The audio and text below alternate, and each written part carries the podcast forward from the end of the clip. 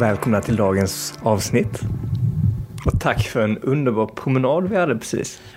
Tusen tack Benjamin. Det var uh, oerhört inspirerande. Ja, tanken var just att den skulle vara inspirerande men oj! vad mycket med inspiration vi fick uh, än vad planerat. Men det är ett härligt sätt att börja eh, när man kommer tillbaka till studion, lite som vi har sagt. Man kommer... Eh, kommer in, börjar snacka lite med dig. Vi börjar att tuna in oss mot, mot eh, ett nytt avsnitt och ett nytt tema. Och idag var det så självklart att nej, men vi måste ta en liten promenad. Vi måste åtminstone ta ett varv runt huset. Kom in på lite grann, men vad innebär egentligen jakten på frihet? Och då möter vi ju... Karl. Karl. Alltså vi går här på baksidan av ditt hus. Alltså det är ju lite, det är, för mig är det en liten speciell plats detta när jag kommer hit varje gång. För varje gång jag, jag, jag svänger in där så, så, står ju den här blåa foodtrucken där parkerad. Och eh, det är någon sån drubb i mig du vet, som alltid kickar in där om man har en foodtruck liksom. Så jag vet ju redan när vi svänger runt huset här nu när vi går att snart kommer vi få se den. Och när jag kom här förra gången så var han ute och pillade och grejade lite. Jag såg att han modifierade någonting i sin vagn liksom. Så tänkte jag, vi kanske får en annan chans att snacka med den här killen. Så kommer vi runt hörnet och då är jag ju blixtsnabb och säger till dig Va? Han, ska, han har köpt en bil till. Och då står det då bredvid den här foodtrucken en, en annan typ av minilastbil. Vad kallar man det? Ja men det, det ser ut som en transportbil liksom. Ja. Och det är så kul för man ser både dig och mig liksom vara nyfiken. Man ser att det ligger lite mattor och han skär och grejer där. Så liksom, då går vi några steg så är det en foodtruck. Så tittar du på mig och så tittar jag på dig och så kommer det bara Vanlife. är det sant? Är det någon som bygger liksom the vanlife dream? Eftersom att båda två är seglingsmänniskor här så var det ju ett eh, oerhört intresse att gå fram och luska ut vad som egentligen försiggick. Ja men som du säger, alltså, det är väl inte många saker just nu som är starkare symboler för, för frihet och kanske för jakten på frihet. Just den här idén om att ja, sätta segel, som vi pratade om när vi stod nere i, vid suckarnas, eller drömmarnas kaj. Men också det här nu, fyra hjul. Släppa allt. Boxa in sig i skåpet. Dra iväg. Så då träffade vi Karl och hade en, en ganska kort men väldigt eh, intressant diskussion om, om eh, vad han hade beslutat sig för. Så Karl höll ju just på att bygga sin andra bil, andra van. Och eh, vi kom in lite grann på det här med minimalism också. Det här med att eh, kan man ha mer genom att ha mindre? Så vi tänkte introducera lite grann till det och vända lite grann på, på vad detta innebär. Alltså det blir ju Ska man bygga en vanlife blir det ju väldigt tydligt. Att du kan ju inte ta med dig så många grejer från din lägenhet eller från ditt hus. Om du tar en väldigt stor van, men det var inte, var inte fallet och det är nog inte fallet för de flesta. Men det var så himla kul också att se när vi, vi smyger fram där och så liksom slänger vi ut oss bara Är det här vanlife? Och så ser man bara det största leendet någonsin. Han bara Yes! Och den entusiasmen alltså. Tänk om, man, tänk om vi hade liksom lekt med att detta var en arbetsplats. Och så hade man liksom pratat om ens arbete. Alltså den glöden när han börjar berätta om hur du vet, han lägger in nytt golv. Hur de här modulsystemen ska byggas upp på väggarna så att det kan bli flexibla lösningar med att få med mycket bra grejer. Och så säger han planen var att ta den här mot Lofoten. Alltså, man typ håller ju på att dö inombords. Man vill ju bara... Kan jag bo på taket? Jag tror att det här med vanlife har blivit oerhört populärt ehm, de senaste åren. Någonting som bara boomat på typ Youtube. Jag kommer ihåg själv när man eh, bilade i Australien och det var väldigt populärt med camper cars. Mm. Vilket är, det är ju... Same same va? Det är liknande vanlife men en camper car är ju byggd sådan fast den är mindre. Ja. Så det är egentligen alltså en väldigt liten eh, Eh, man kan väl inte kalla det minibuss, men alltså du får plats med en säng, men det är ju liksom kanske 1,20. Ja, men en spartansk då, det är en enklare form Ja, typ en, en tuk-tuk fast med väggar liksom. Okej. Så att det, det var ju väldigt populärt där och det har säkert varit populärt ganska länge att ha de här typerna av camper cars. Men vanlife och just det finns ju folk som bor i sina vans. Nu var nog inte detta fallet. Vi får ju höra mer av, av Ja, ja, ja, det senare. får vi se. Men vi, man, alltså, man, liksom hashtaggen du ser på Instagram. Det finns ju ett sånt enormt intresse. Har du en, ett schysst konto så, så ser du, du har ju du har ju 50 000 plus följare. Och det går ju ihop lite grann också tror jag med eh, filosofin. Att ha, ha, ha mindre men att, att ha mer. Om, om vi ser på det här med, med vanlife, något annat som också har boomat är ju small living. Mm. Att ha eh, väldigt små hus. Gärna på en trailer som man kan köra runt. Det går väl lite hand i hand. Ja, men, men, men, och, och, men där känns det, där får man lite mer va? Där får man en, en, en eh, nästintill lite schysstare. Men det är ju samma grej väl? Att kunna flytta med sig hemmet, att kunna ta sig dit jag vill, att följa väder och vind. Att, att liksom, en vilja till den här platsen eller stranden så kan jag åka dit liksom. Ja, och, eh, fundamentalt är det nog likadant förutom att kanske downsizing och att man bor mindre. Det blir väl lite mer en permanent lösning. Ofta kanske man drar vatten och sådär Ja. också än om man bor verkligen i, i, en- i en bil. Eh, det går nog väldigt mycket hand i hand i, i att man kan inte ha mer. Så att, att tänka mer minimalistiskt och att ha mindre och mer kvalitet. För det är så Eh. intressant i den här. Vi har ju haft, om vi säger jakten på frihet kallar, kallar, kallar vi det här. Men vi har haft jakten på materiella saker. Alltså de här pågår ju ändå parallellt får man säga. Samtidigt så försöker vi tillförskaffa oss mer än någonsin. Ny bil, eh, nytt lägenhet, nytt hus, nytt kök. Man vill, eh, man vill inte sticka ut för mycket. Och att du har en typ av social hierarki beroende på vad du har, vad du äger och din, din status. Men är det en motreaktion mot liksom det här eh, det som majoriteten av oss alla strävar efter nu? Att, att, att, att, att ackumulera alla de här sakerna? Vet inte, men samtidigt eh, kan det inte vara så att vi, vi gick ju in lite grann för avsnittet och pratade om eh, att följa drömmar. Om vi håller kvar lite i den tanken att har du en dröm som är ganska motsägelsefull till vad, vad, du, vad, vad och hur du utövar din vardag. Ja. Jag menar, vad är, vad är risken? Vad fyller man då den här tomheten med? Jag menar, vi, vi kom in på din dröm om att ja, men jag, nu ska jag till Indien och utöva yoga. Hade du kunnat göra det om du hade köpt en, ett hus eller en ny lägenhet och då stod på lån helt plötsligt och att ja, men för att få, få allting att snurra runt måste jag betala nästa månads hyra. Man kan ju gräva i sin egen grop genom att Ja men det, det är så viktigt du sätter fingret på här för jag Jag upplever ju ett enormt motstånd i min personliga downscaling. Alltså att minimera mina saker när jag skulle möjliggöra den här drömmen. Då behövde jag ju göra mig av med allting. Bil, lägenhet, prylar. du, du gjorde det, du tog det steget med, med boende också. Det var ju... Det var ju fruktansvärt. Alltså, det var ju fruktansvärt. Alltså... Det gjorde typ ont i mig. Alltså första gången jag tänkte att någon annan skulle bo i min liksom fina, jävligt schyssta säng som jag hade införskaffat mig. Det kändes helt omöjligt.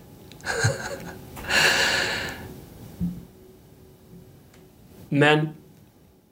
Men precis som du är inne på så var ju Indien-storyn bakom den var det en längtan efter frihet.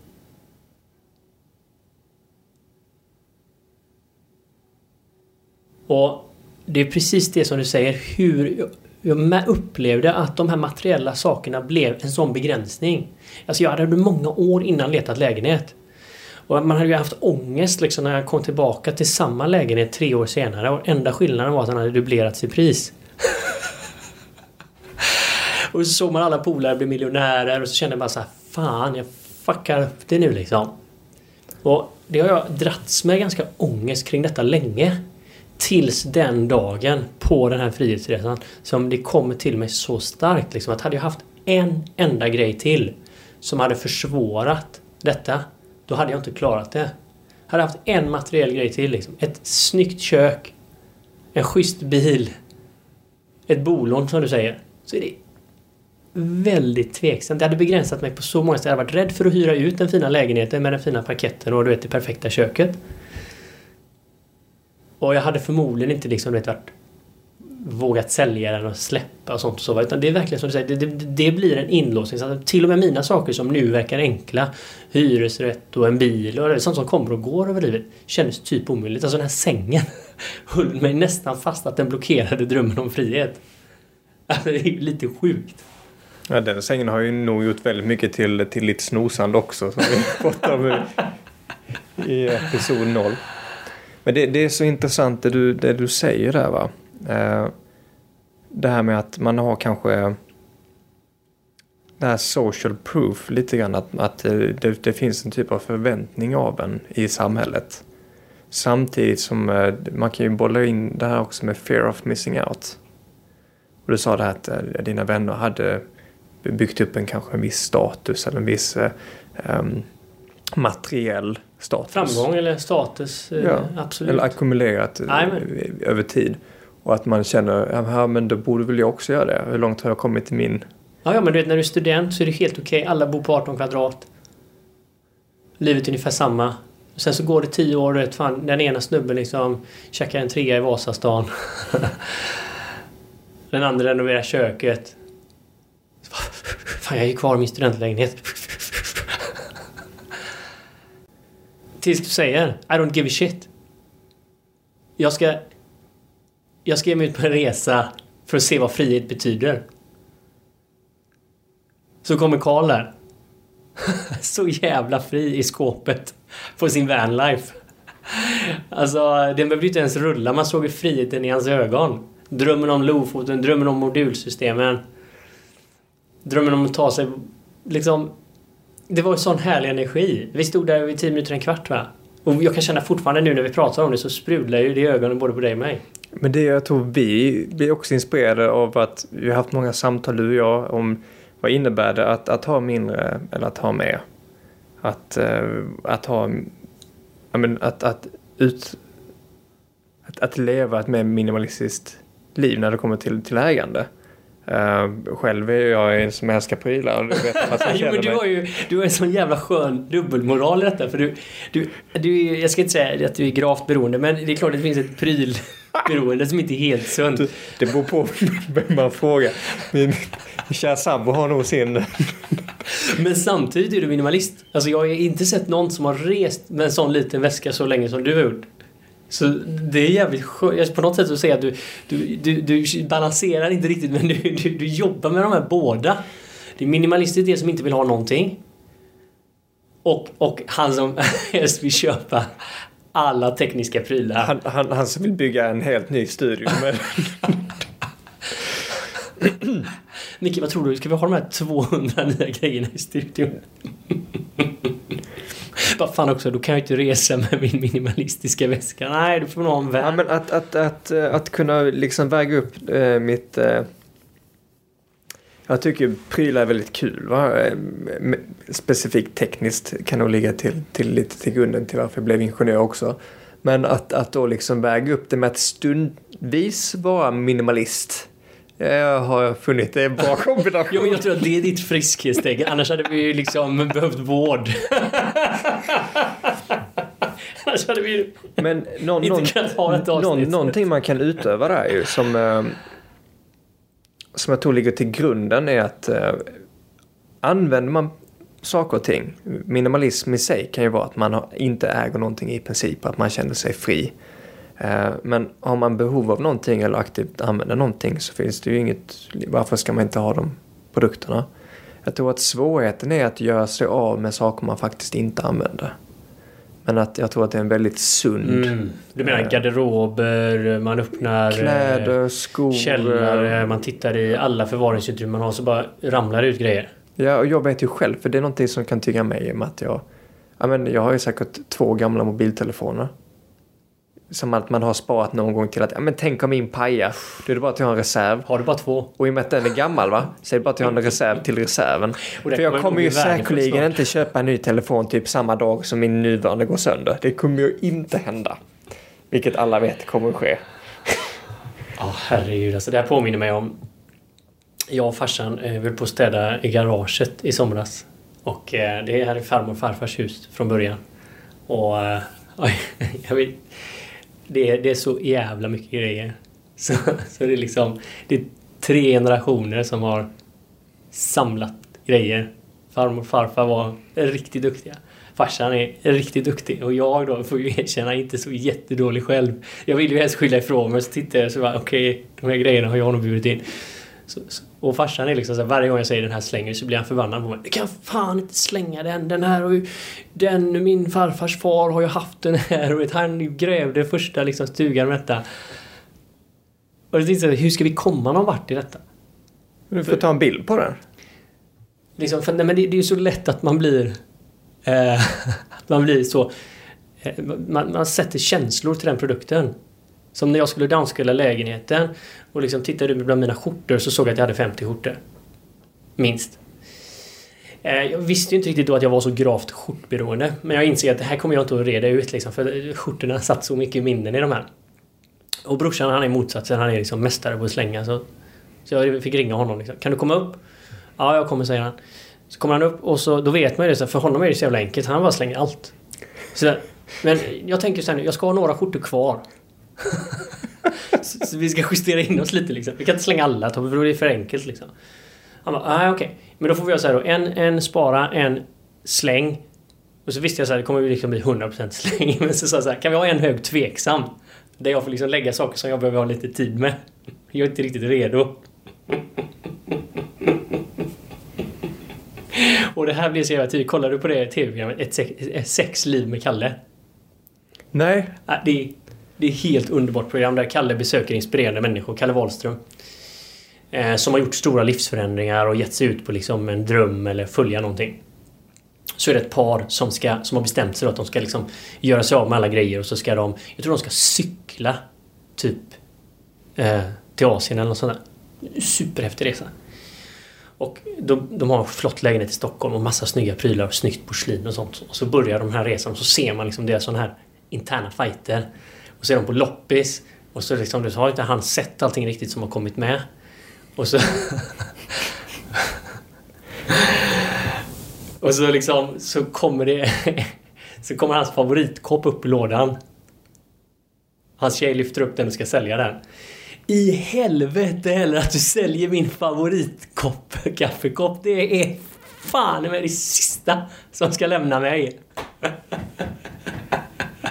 Svinförbannad på sin tjej. Jag fick behållit den.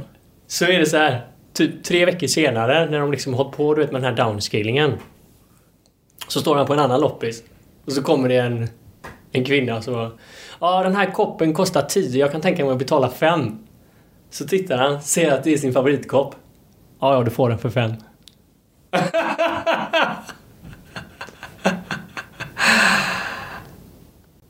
Nej, det är, inte, det är inte lätt. Det är inte lätt.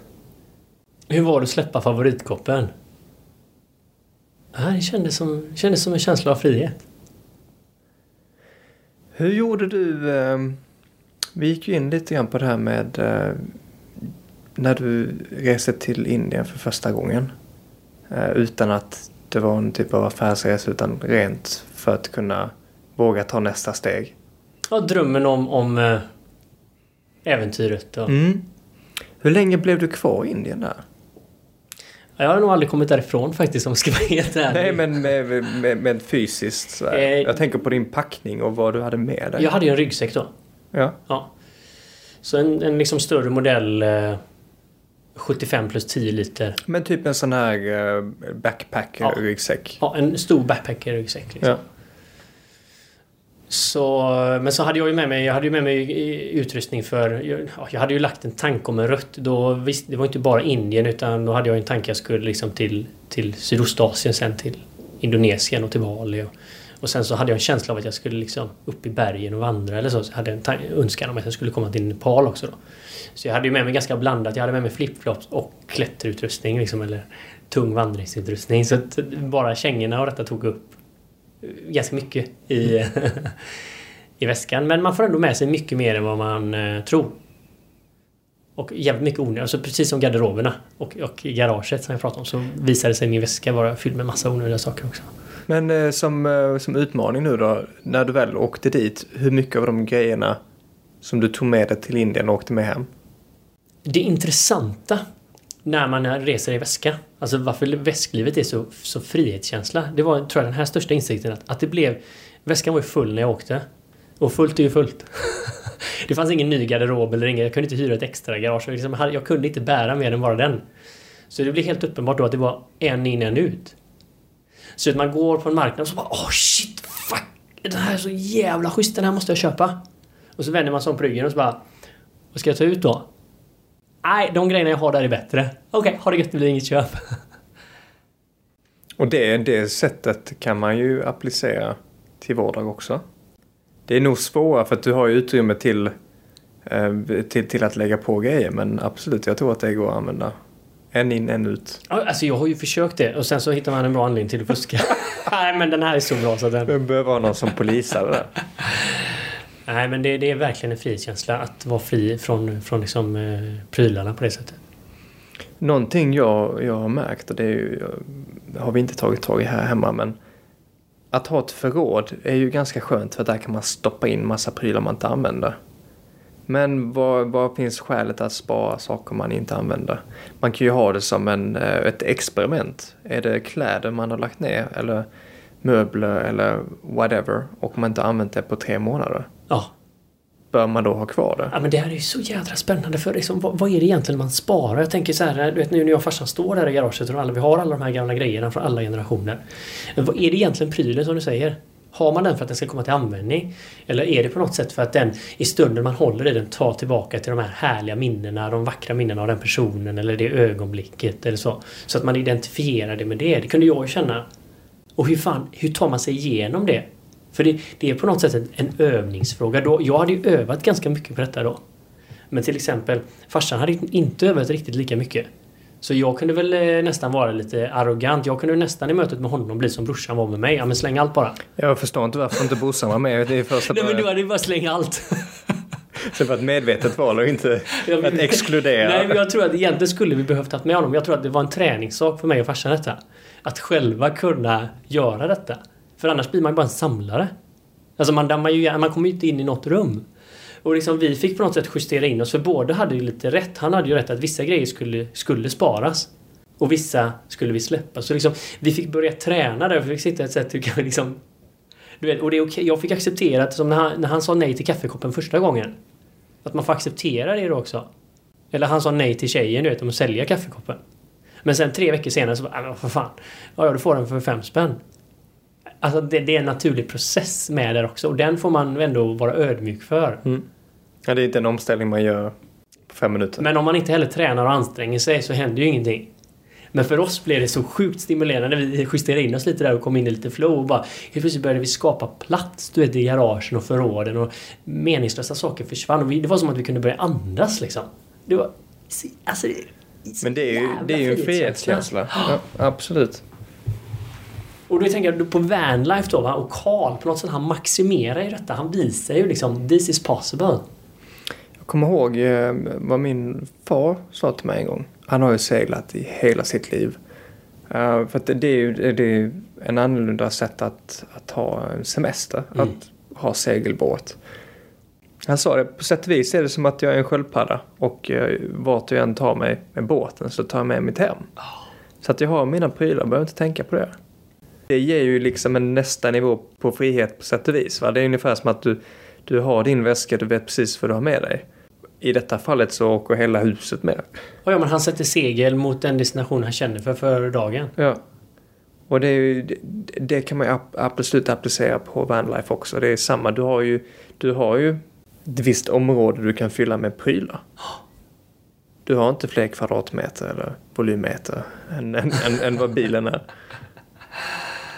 Nej, men... Och så har man det här liksom där vinden bär. Alltså man, jag tror att det är också väldigt förknippat. Alltså det materiella är en stor grej men det är inte liksom den fulla bilden heller. Utan det är den här djupare tanken om frihet. Att om jag är så, att jag är på haven, segelbåten som, som din pappa är eller jag är i, i vanen. Så, så är jag inte fast i de liksom, dagliga strukturerna. Jag måste inte gå till jobbet varje dag. Jag måste inte hämta, hämta ungarna på dagis. Jag måste inte vet, gå på släktkalasen. Alltså sånt som man kanske känner att man liksom bara måsten. Liksom, och mycket saker och detta kanske är jävligt roligt men man kan komma till en gräns där man bara känner att fan, vad är mina grader av frihet? Måste jag varje dag checka in på jobbet? Jag vill bara fan...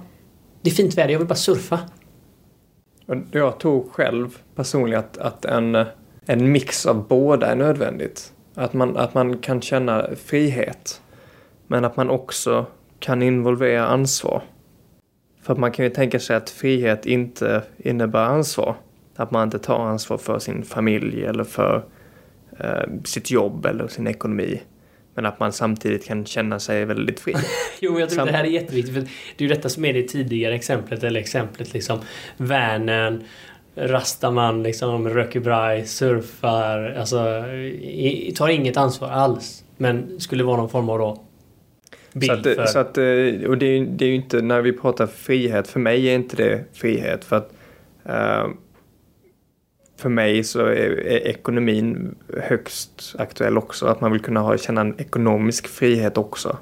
Så att det, är- det är en fin avvägning med Ja, ja, ja. De eh, hänger ju ofta hand i hand. ja. Liksom. Men nu vet man ju inte. Den här killen har kanske gjort bra trading på börsen innan han drog. Nej, men det, det, som en liten teaser, nu har vi ju vänt vridit på, på eh, ska jakten på ja. frihet och lite grann det här med eh, kan man få ut mer av att ha mindre? Prata Ja. lite grann om, om minimalism. Egentligen så spännande blir att faktiskt höra direkt från Karl. Vi ska ju gräva lite djupare i detta och vi ska också faktiskt ta det lite under ytan. Eh, det är ju alltid vårt mål och vi ska se så här, är det liksom, finns det fler eh, skal på den här löken när man börjar skala löken av frihet? Eh, kanske under de här materiella sakerna också. För blir det frihet bara för att man sitter i en vanlife? Det är en väldigt eh, intressant fråga som, som jag ser fram emot att eh, vi kan ställa Karl. För det är väl så att, att han ska få komma hit till eh, studion och Yes! Ta oss med på en resa.